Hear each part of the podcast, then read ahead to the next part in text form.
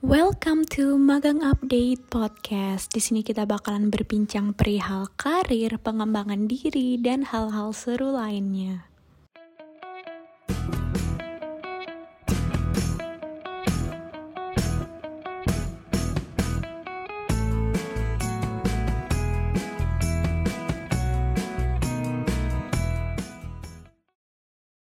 Halo, selamat pagi, siang, ataupun malam, kapan pun Hunters mendengarkan podcast ini. Wah, di podcast kali ini ada yang beda nih. Biasanya kalian suka dengerin suara dari Zakia, Oki, Hana, Sekar, sama Akbar. Tapi kali ini kalian bakal dengerin aku. Kenalin, nama aku Yudi. Dan aku nggak sendirian, karena perbincangan kali ini ditemenin sama partner satu bidang di magang aku nih, di magang update, yaitu Ishak. Halo, halo Perbincangan ini Halo Kak Ishak. Iya. Halo, halo. Perbincangan ini udah aku tunggu-tunggu banget nih. Mungkin bagi sebagian orang topik kali ini sedikit asing di telinganya. Tapi semakin lama topik ini akan menjadi dikenal orang. Dan menurut aku sendiri topik ini hangat banget nih di tahun ini.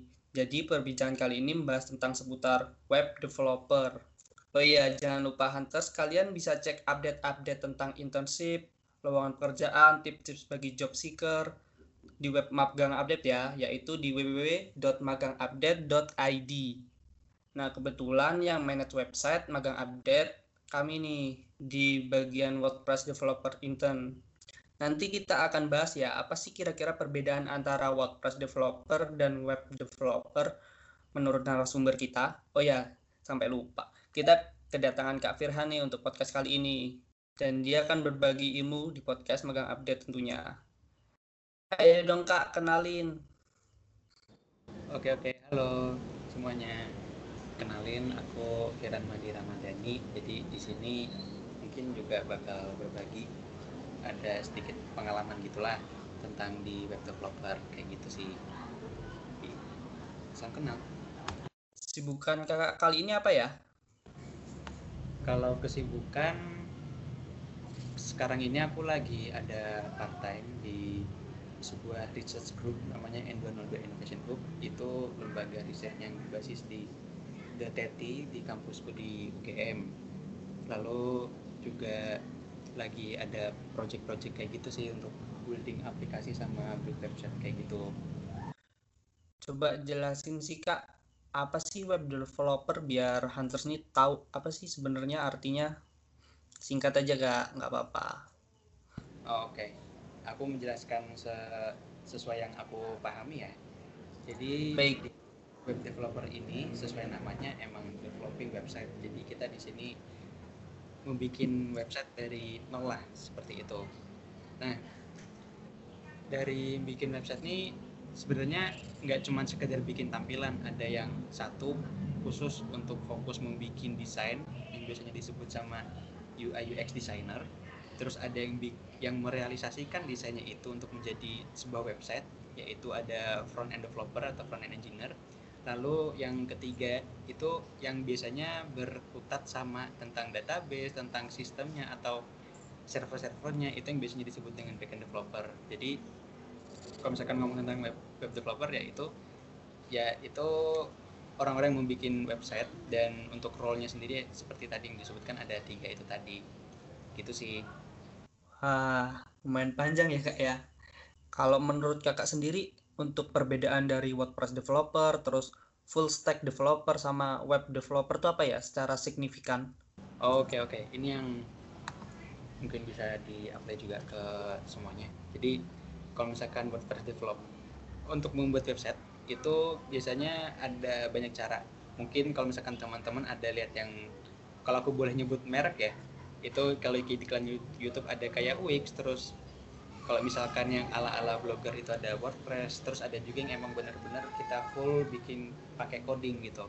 Nah, kalau misalkan WordPress developer itu tempat di mana teman-teman ngerancang website itu berbasisnya pakai WordPress yang modelnya misalnya kayak tinggal drag and drop terus untuk bikin artikel tinggal gampang karena WordPress sudah memiliki integrasinya kayak gitu lalu kalau misalkan yang bikin pakai coding itu emang kita nge bikin coding pakai HTML sama CSS namanya untuk menghias-hias websitenya gitu. Lalu kalau misalkan ditanya apa sih perbedaan tentang signifikan tentang full stack developer sama WordPress developer tadi kayak gitu? Mungkin WordPress tadi udah dijelaskan jadi aku bakal ngomongin lagi tentang full stack. Kalau full stack itu tadi kan udah disebutin bahwa untuk nge-build website itu ada kayak front end engineer sama back end engineer. Nah untuk karena pembagian role-role tadi itu tuh nggak harus satu orang tuh menghandle semuanya karena itu kayak bener-bener juga tesnya sangat banyak juga gitu loh. Tapi kalau misalkan emang ada orang yang bisa mengerjakan bagian front end untuk yang mengerjakan tampilan dari websitenya dan juga yang mengerjakan bagian sistem dan bagian server dan database-nya itu back end mereka bisa melakukan keduanya itulah yang disebut namanya full stack developer gitu. Jadi full stack dia kayak bisa melakukan semuanya kayak gitu untuk membuat sebuah website kayak gitu. Terus uh, mau tanya kak apa sih sebenarnya alasan kakak itu terjun ke web developer? Oke okay. ini sedikit inget-inget cerita ya waktu aku jadi maba.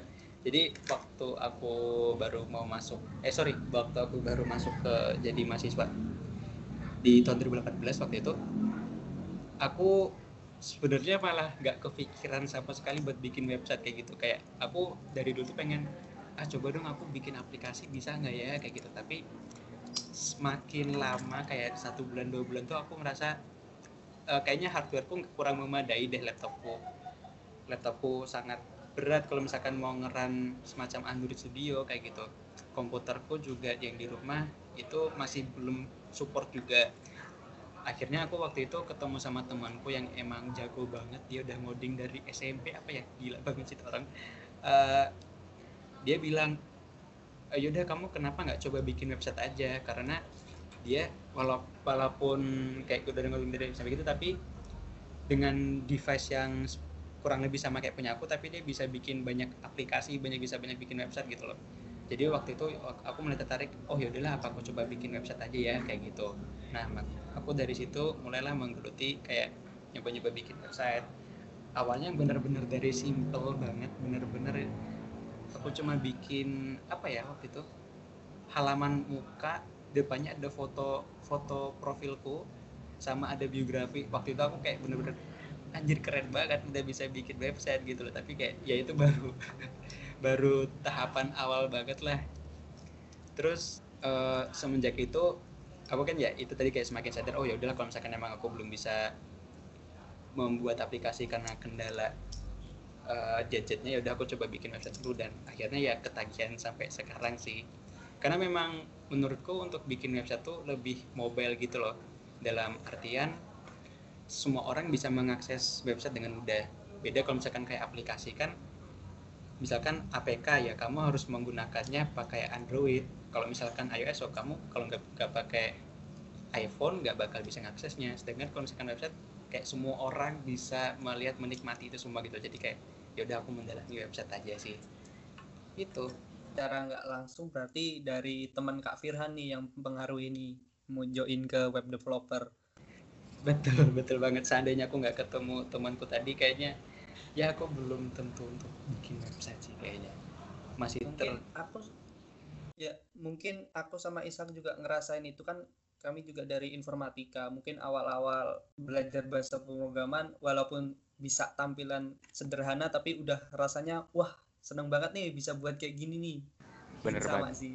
Bener-bener kalau misalkan kita udah bisa bener-bener sesederhana aja tuh kayak oh gila ay gue jago banget kayak gitu kan perasaannya kan tapi ya ya itulah perasaan yang yang semua orang menurutku harus merasakannya sih entah itu di bidang apa aja.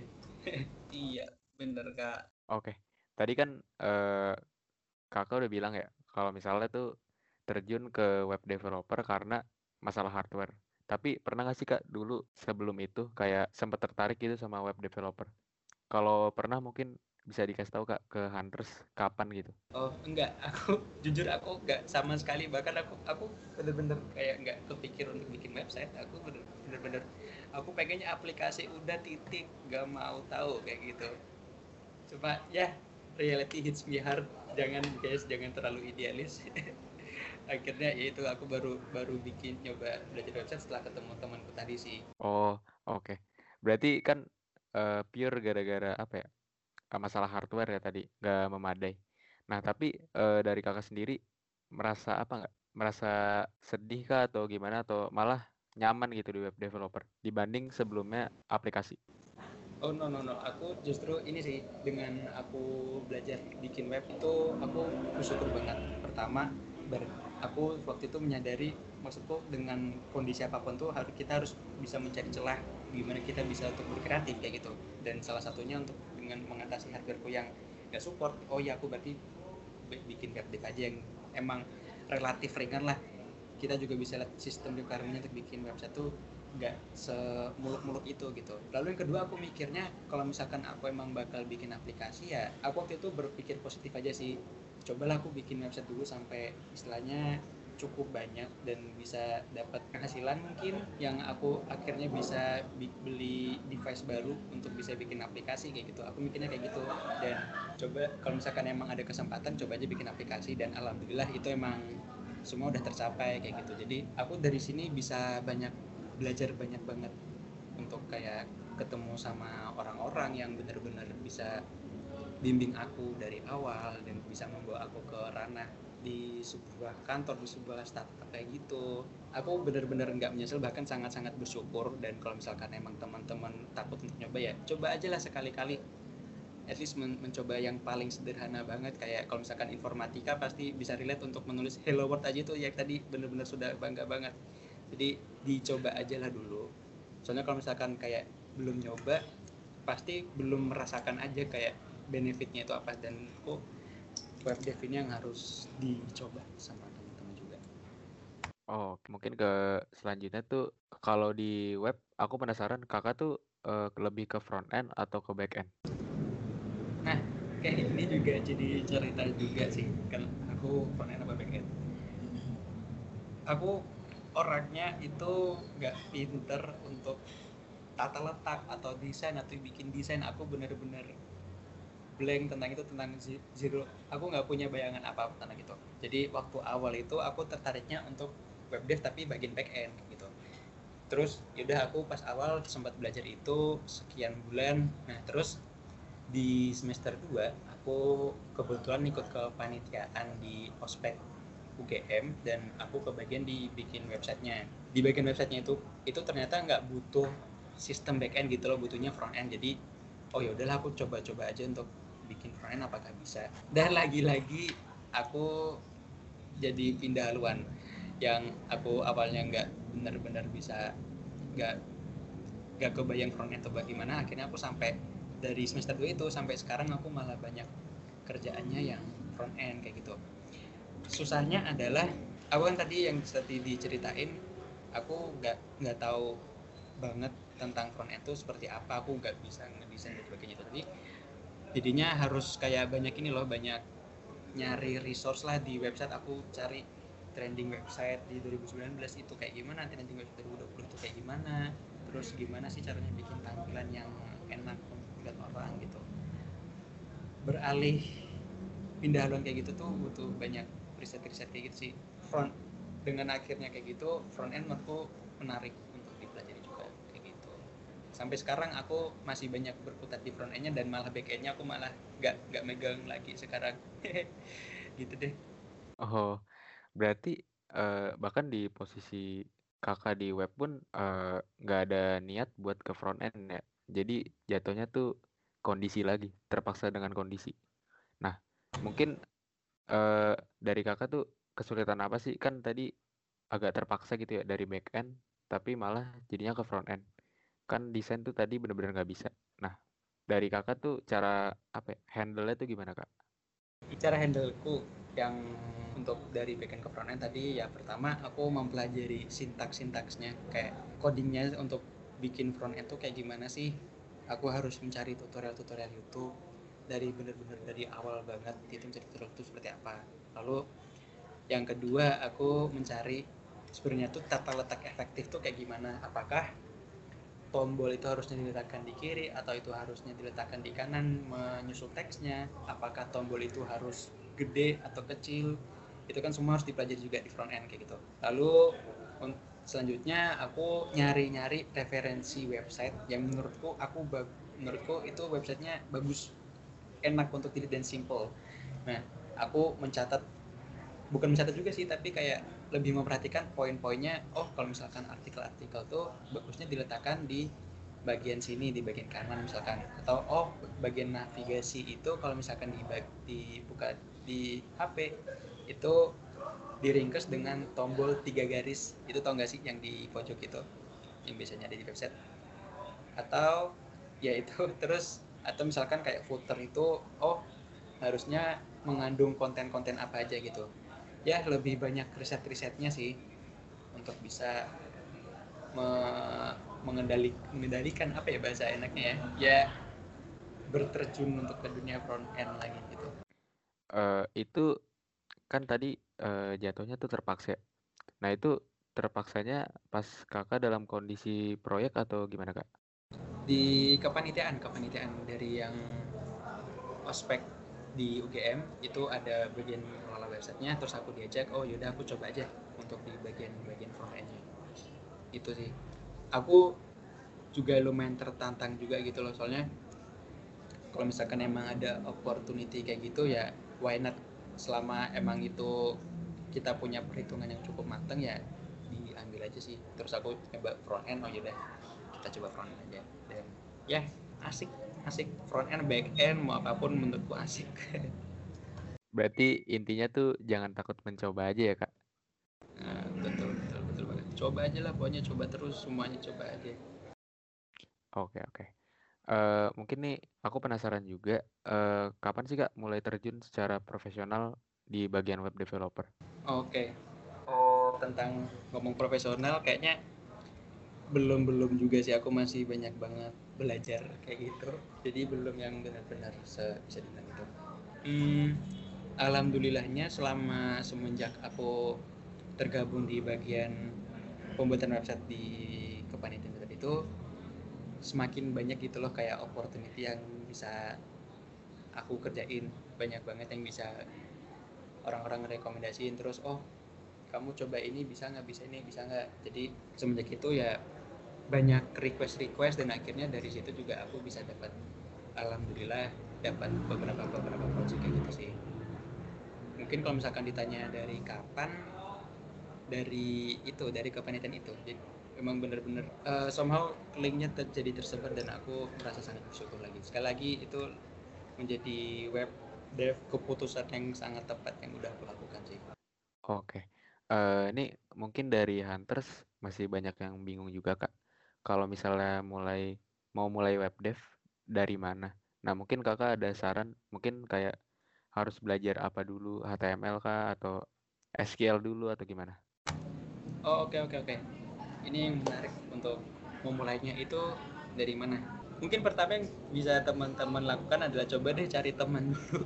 Apakah ada temannya yang bisa udah punya kemampuan untuk membuat website? Kalau misalkan ada, coba sekalian tanya-tanya ke dia gitu eh entah teman atau kenalan ya pokoknya martabat gitu coba ditanyain gimana cara caranya gitu. Menurutku dengan adanya teman atau kerabat ini nih yang cara emang paling efektif banget. Karena ketika kamu bingung kamu bisa tanya-tanya semuanya gitu. Terus dia mungkin juga bisa nge apa ya ngebikin jalurmu tuh enaknya belajarnya bisa kayak gimana gitu. Karena mereka pasti sudah punya caranya juga ada yang bisa direkomendasiin ke teman-teman juga yang mau mencoba bikin website kayak gitu. Kalau misalkan itu sudah dan masih mau nyari resource lagi, aku biasanya memulai itu dari YouTube. Kayak pemrograman tuh tutorialnya bener-bener banyak banget teman-teman. Terus banyak juga yang di sana tuh kayak gimana sih cara memulainya kayak gitu. Biasanya ada di refer ke channel YouTube yang emang punya tutorial pemrograman yang lengkap salah satu yang bisa aku rekomendasiin itu ada namanya Net Ninja itu di YouTube benar-benar lengkap.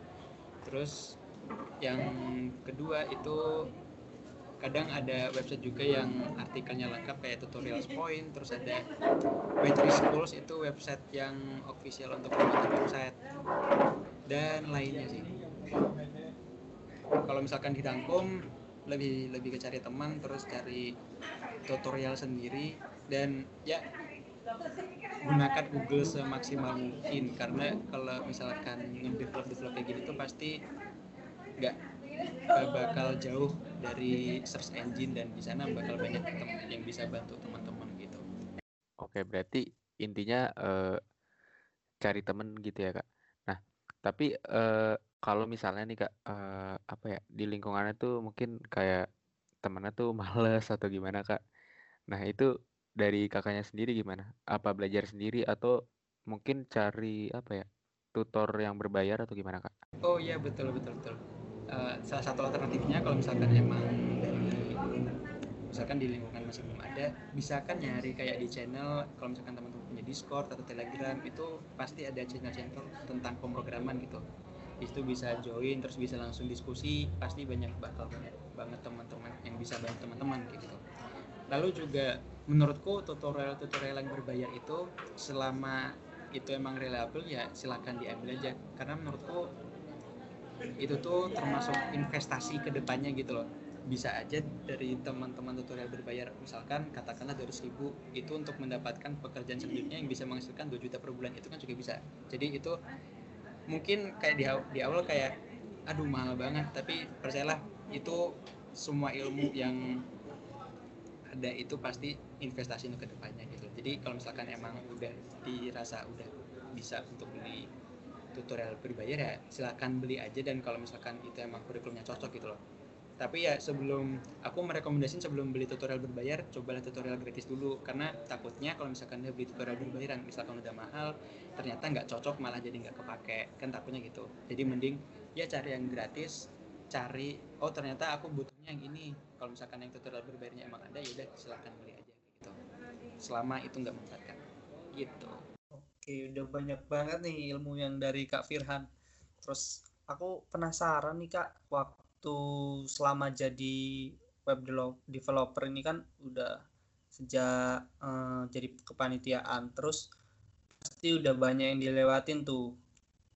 Aku mau tanya, apa pernah sih kakak ngalamin kendala masalah komunikasi untuk ke divisi lain buat jelasin tentang sistem website yang sedang dibangun tuh? terus gimana sih dari kakak problem solvingnya tuh kayak gimana?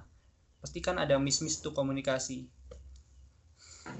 Oh iya ya itu pasti pernah banget pernah banget ngalaminnya. Karena ya abstrak gak sih untuk kayak membahas pemrograman gitu ke mungkin ke teman-teman yang sekiranya belum pernah pemrograman itu. Aku juga pernah mengalami itu beberapa kali dan ini aku juga masih belajar cara mengelolanya gimana. So far yang aku lakukan adalah mencoba menjelaskan sistem itu se sesederhana mungkin dan mungkin bisa pakai analogi kayak gitu loh. Analogi sekiranya bisa dipahami sama teman-temannya.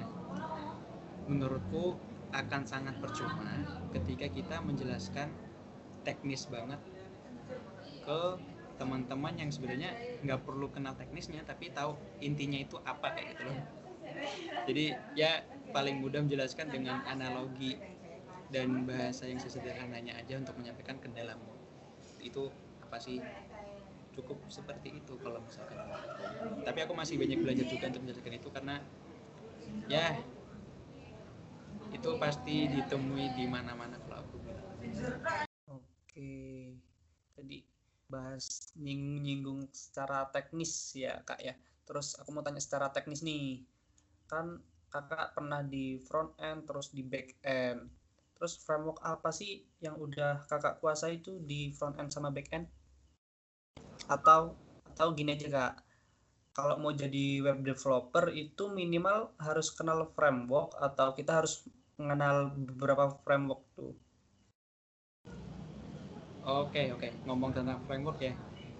Ini pengenalan ke framework adalah istilahnya framework tuh codingan yang sudah dibikin sama orang lain itu bisa kita pakai secara ulang. Kita nggak perlu bikinnya dari nol gitu loh. Jadi kita benar-benar sangat terbantu. Ya contoh misalkan kita kayak mau mau memodifikasi motor misalkan. Tapi kita nggak mungkin bikin motornya dari nol toh. Mesti ada orang lain yang udah bikin motornya. Kita tinggal nge-custom motornya itu. Nah sama juga kayak framework ini. Jadi ada orang yang sudah bikin kita tinggal pakai aja. Kalau misalkan apakah framework perlu? Menurutku perlu. Kalau misalkan itu emang memudahkan teman-teman.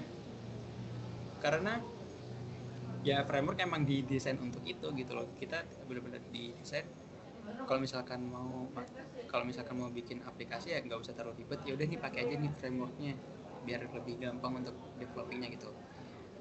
Apakah untuk bikin website itu butuh banyak framework?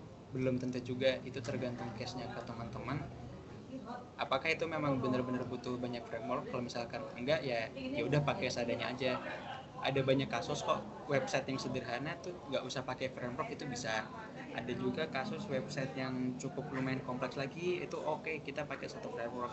Kalau misalkan yang benar-benar kompleks yang benar-benar gede kayak untuk sebuah aplikasi yang digunakan umum oh ini mungkin bisa pakai framework yang banyak. Itu tergantung case-nya gitu. Jadi untuk membuat program gini lihat dulu kamu butuhnya apa sih. Lalu carilah framework yang sekiranya cocok untuk itu gitu untuk membuat aplikasinya. Itu sih kalau menurutku tentang framework wah semoga pendengar podcast ini paham ya yang dimaksud sama Kak Firhan. Terus aku mau tanya nih Kak.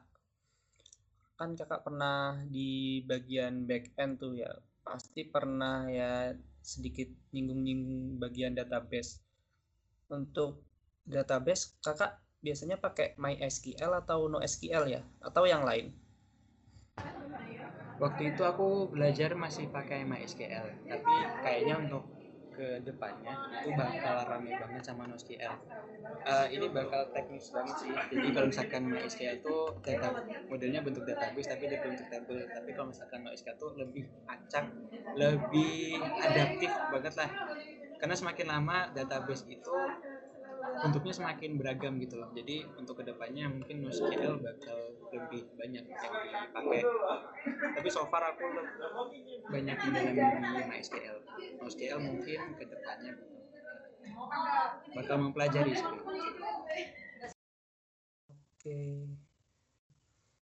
Oke kak. Uh, mungkin kan kakak udah lumayan lah nih pengalaman di web developer. Nah uh, dari kakaknya sendiri dari pengalaman yang udah pernah kakak laluin sebagai web developer? Apa sih kak pengalaman tersulit yang pernah kakak hadapi?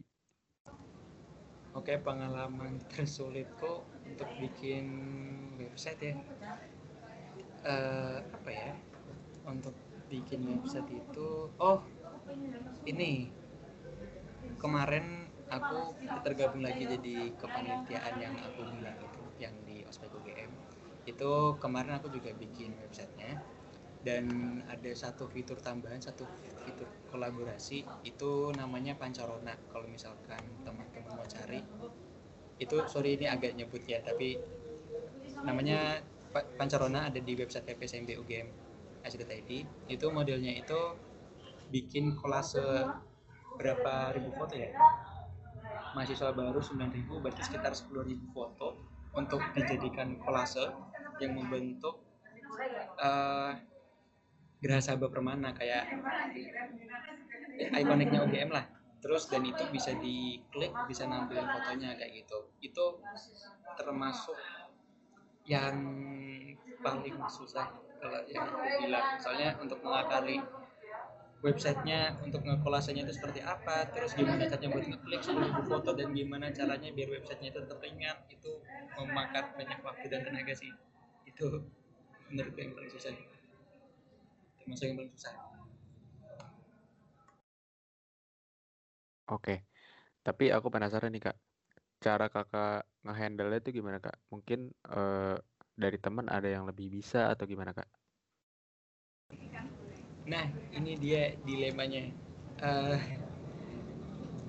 aku tanya ke teman-teman itu juga juga pada bingung itu loh cara ngerealisasinya gimana. Soalnya kayaknya belum ada yang nerapin juga kan. Jadi wah ya udahlah kita kita coba cari ngakali uh, muter-muter seperti apa caranya. Akhirnya dicoba-coba setelah sekian bulan dengan bantuan teman-teman juga dengan supportnya teman-teman juga akhirnya oh oke okay, akhirnya kita bisa untuk mengambil itu. Itu sih akhirnya lebih banyak ke apa ya lebih banyak ke riset lagi. Sekali lagi balik lagi ke riset self learning di Google. Google itu teman temannya kita semua kalau misalkan mau develop. Jadi jangan sampai itu dilepaskan.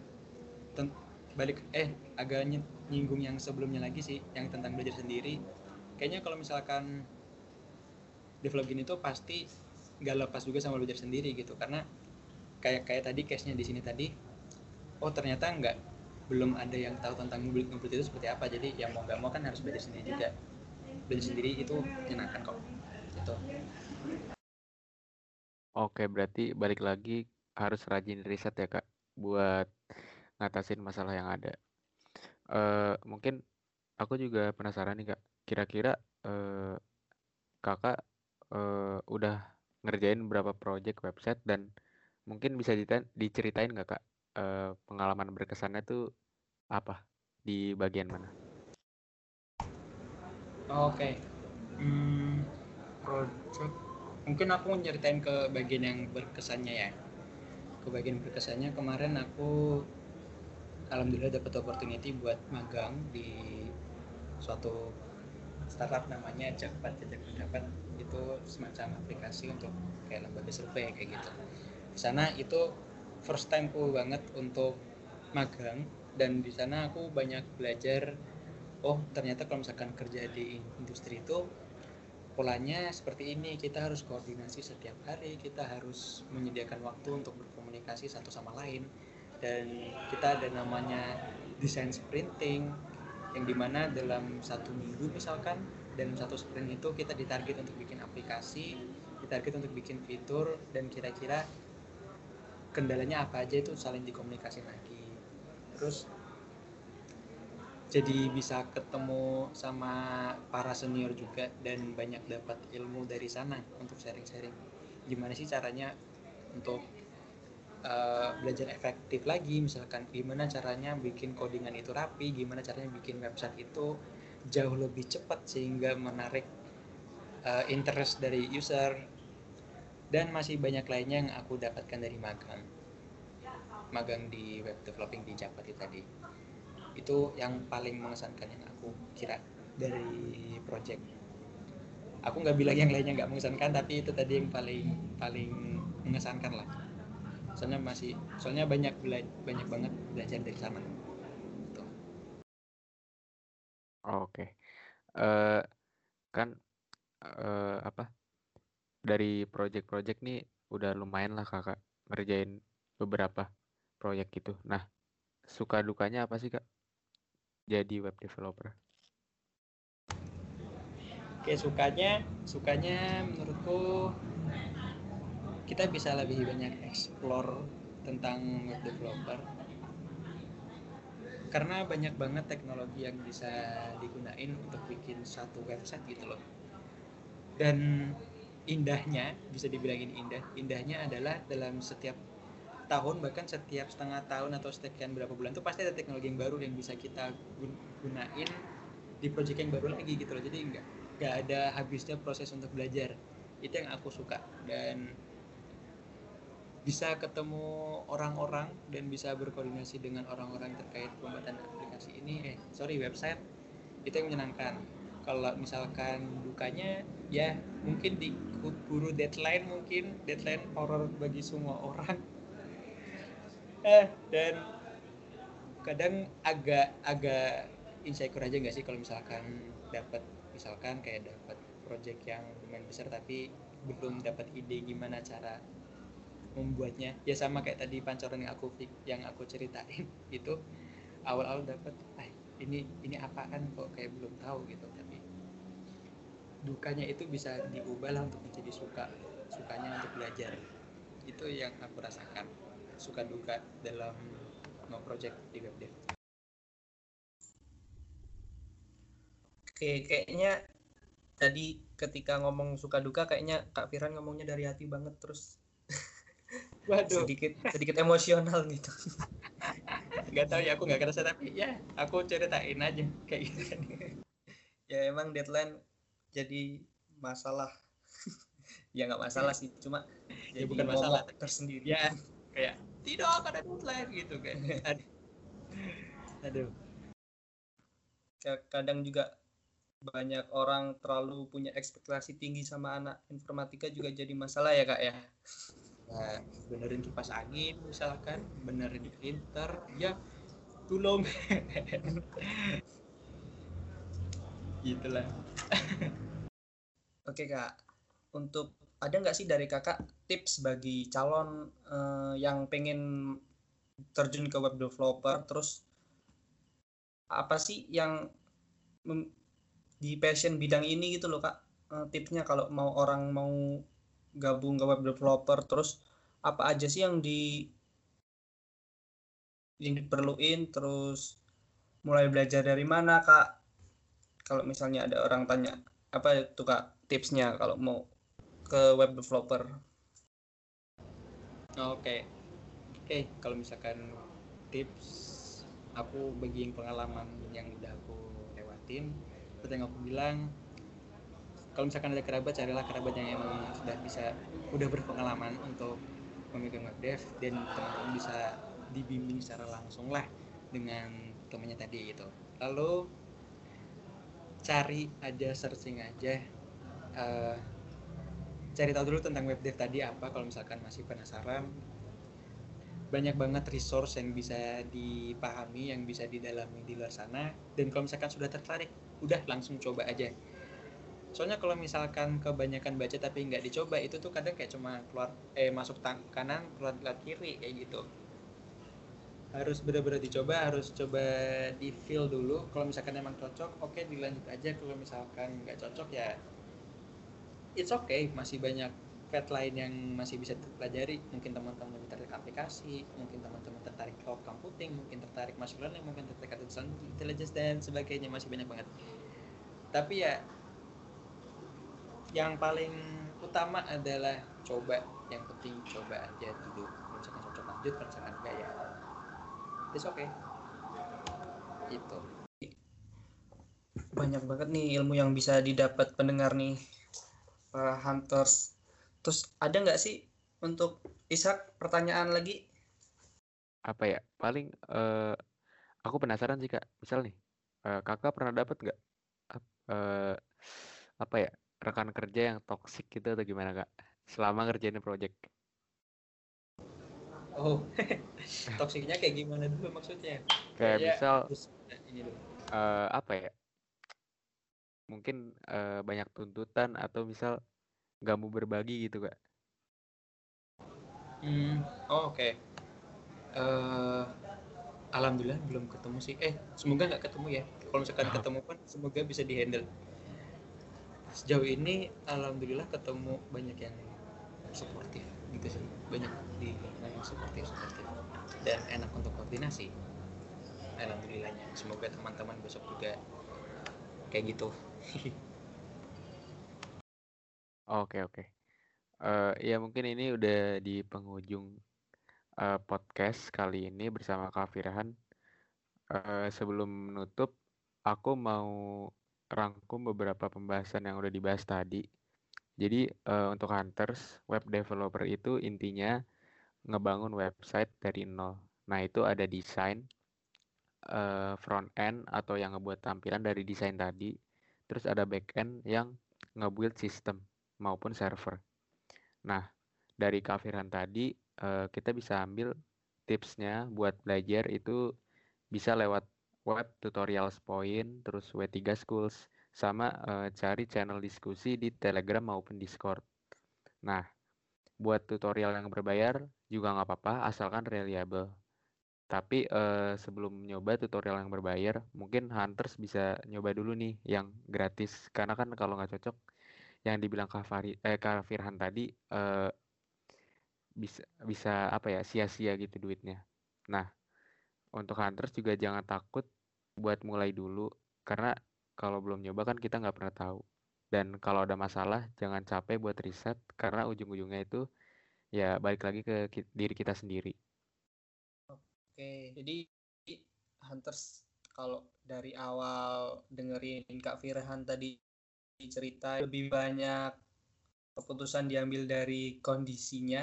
Jadi kayak Kak Firhan kenal web developer, developer dari temennya, terus awalnya yang suka back end jadi ke front end. Tapi dari kasus-kasus itu bisa kita simpulin Kak Firhan.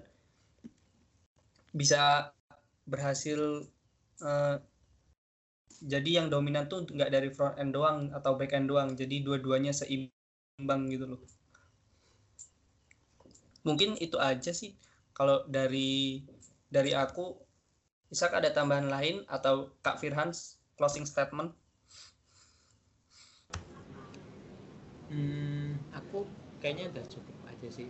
Mungkin kalau misalkan konsepnya ya silakan banyak explore aja teman-teman, banyak vet yang bisa nanti coba.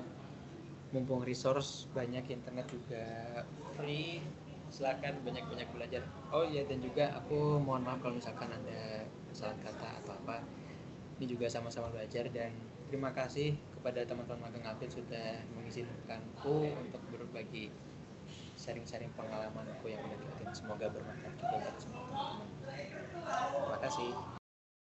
Sama-sama Kak Firhan. Wah keren banget kan obrolan kali ini Hunters? Kayaknya Kak Firhan juga lagi sibuk banget untuk kali ini karena jadwalnya mungkin sedikit padat. Tambah lagi magang terus ada project-project lainnya kan. Jadi eh, untuk perbincangan kali ini kami sudah aja saya sebagai Yuditara bersama Ishak. Mohon maaf apabila ada kata-kata yang mungkin sedikit kurang atau salah kata ya. Semoga isi dari podcast ini bermanfaat bagi pendengar semua. Untuk episode kali ini cukup dulu kali ya See you on the next episode. Bye bye.